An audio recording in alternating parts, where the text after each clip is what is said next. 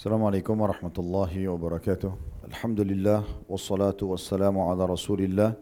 Segala puji dan puja kehadirat Allah Subhanahu wa taala juga salawat dan taslim kepada Nabi besar Muhammad sallallahu alaihi wa ala alihi wa sahbihi wasallam. Melanjutkan berabu kita sahih tergibu terhib dan kita masih dalam kitab haji dan bab yang sama bab kelima anjuran ihram bertalbiyah dan mengeraskan suara pada keduanya. Kita akan masuk hadis ketiga dalam bab ini dengan sanad sahih urutan 1135 dari awal belajar berbunyi dari Khalad ibn Sa'id dari ayahnya radhiyallahu anhu ia berkata Rasulullah sallallahu alaihi wasallam bersabda atani Jibril fa'amarani an amura ashabi an yarfa aswatahum bil ihlali aw talbiyah Kata Nabi SAW, Jibril mendatangiku dan dia memerintahkanku agar aku menyuruh para sahabatku untuk menyaringkan suara mereka dalam berihlal atau bertalbiyah. Diriwayatkan oleh Malik, Abu Dawud, An-Nasai, Ibnu Majah dan juga Tirmidzi dan dia mengatakan hadis ini hasan sahih. Dan Ibnu Khuzaimah menyebutkan juga dalam sahihnya. Ibnu Majah menambahkan riwayat fa innaha min syiaril hajj. Pengerasan suara itu disebabkan karena talbiyah dan ihlal merupakan salah satu daripada syiar haji itu sendiri. Hadis keempat serupa juga dengan ini dengan sanad sahih di ghairihi menjadi sahih kena dikuatkan dengan riwayat-riwayat lain.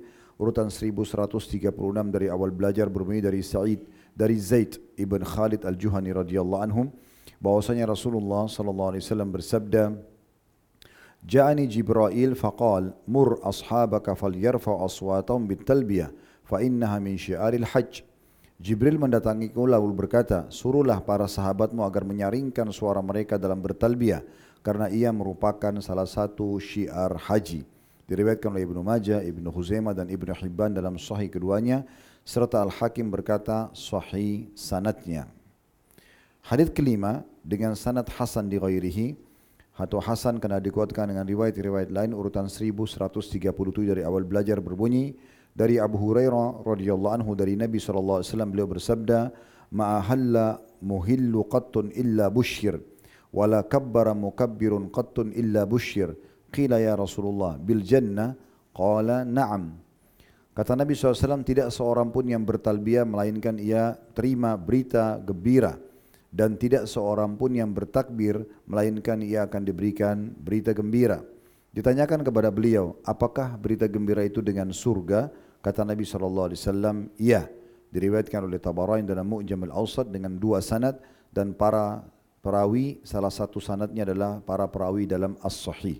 Hadis terakhir dalam bab ini hadis ke-6 dengan sanad hasan di ghairihi menjadi hasan kena dikuatkan dengan riwayat-riwayat lain urutan 1138 dari awal belajar.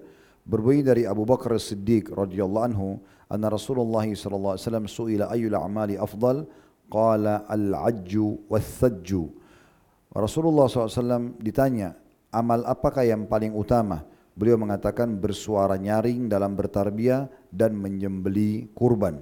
Diriwayatkan Ibnu Majah, At-Tirmi dan Ibnu Khuzaimah dalam sahihnya semuanya dari riwayat Muhammad bin Al-Munqadir dari Abdurrahman bin Yarbu' At-Tirmidzi juga berkata Muhammad tidak pernah mendengarkan hadis dari Abdurrahman. Diriwayatkan pula oleh Al-Hakim dan dia menilainya sahih dan juga Al-Bazzar hanya saja ditambahkan dalam riwayatnya ma birrul hajj qala al ajju wal thajju bagaimana haji bisa mabrur? Kata Nabi SAW mengeraskan suara dalam talbiyah dan menyembeli hewan.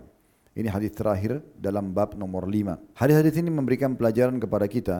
Yang pertama dari hadis nomor 3 nomor 4 menyebutkan tentang masalah pentingnya seseorang pada saat berihram mengeraskan suaranya mengangkat suara pada saat pakai baju ihram dan bertalbiyah. Labbaik Allahumma labbaik, labbaik la syarika laka labbaik, innal hamda wan ni'mata laka wal mulk la syarika lak. Yang artinya aku jawab panggilanmu dengan santun ya Allah. Ya. Aku jawab panggilanmu dengan santun dan tidak ada sekutu bersamamu. Sungguhnya segala nikmat kerajaan ya, dari sisimu tidak ada sekutu bersamamu. Kurang lebih itu makna globalnya. Maka ini yang diucapkan dan setiap kali orang mengucapkan dengan mengangkat suara atau mengeraskannya, maka dia akan mengangkat dan mempertegas juga tentang masalah syiar haji. Karena haji harus dengan mengeraskan suara pada saat itu. Juga diambil faedah yang kedua dari hadis, siapapun yang bertakbir atau bertalbiyah di saat dia menggunakan ihram, maka pada saat itu Allah mengutus para malaikat untuk menyampaikan kepada dia berita gembira tentang surga.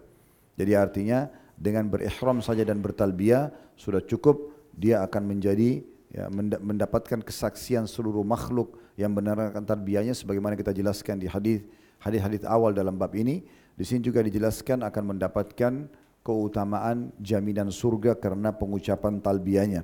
Oleh karena itu jangan malas-malas pada saat sedang ikhram untuk mengucapkan talbiyah. Pelajaran terakhir diambil daripada riwayat yang keenam tentang masalah selain bersuara nyaring pada saat mengucapkan talbiyah atau mengulang-ulanginya dan beberapa asar menyebutkan para sahabat dari Madinah ke Mekah mereka terus bertarbiyah sampai suara mereka paru. Juga diambil pelajaran yang lain yang ketiga dari hadis nomor 6 adanya anjuran agar berkurban di saat umrah ataupun haji. Dan ini termasuk penyebab daripada kedua perbuatan ini mengeraskan atau menyaringkan suara pada saat bertalbiyah. Berikut juga dengan berkurban atau hadyu di umrah dan haji. Terutama di haji ini bisa membuat haji itu menyempurnakan haji tersebut menjadi haji yang mabrur. Dan kita tahu haji mabrur tidak ada balasannya kecuali surga. Kedepannya insya Allah kita akan masuk ke bab nomor tujuh. Kalau bab nomor 6 saya bacakan sekarang itu adalah bab anjuran berihram dari Masjidil Aqsa. Namun hadis-hadis yang diangkat oleh Al-Mundiri dalam riwayat ini yaitu riwayat Ibnu Umar Ibnu Umar radhiyallahu anhu pernah dari Madinah menuju ke Aqsa lalu berihram dari sana kemudian menuju ke Mekah. Ini riwayat-riwayat yang tidak masuk dalam syarat Syekh Albani rahimahumullah semuanya atau yang menelusuri hadis-hadis dalam bab ini sehingga beliau mengatakan khusus bab nomor 6 dalam kitab haji anjuran berikhram dari Masjidil Aqsa bukan bagi penduduk Palestina. Penduduk Palestina itu berbeda tapi bagi orang yang dari luar datang ke Aqsa kemudian pergi umrah ataupun pergi haji ini yang ditolak hadisnya oleh beliau. Beliau mengatakan tidak ada satu hadis pun dalam bab ini yang sesuai dengan syarat kitab kami.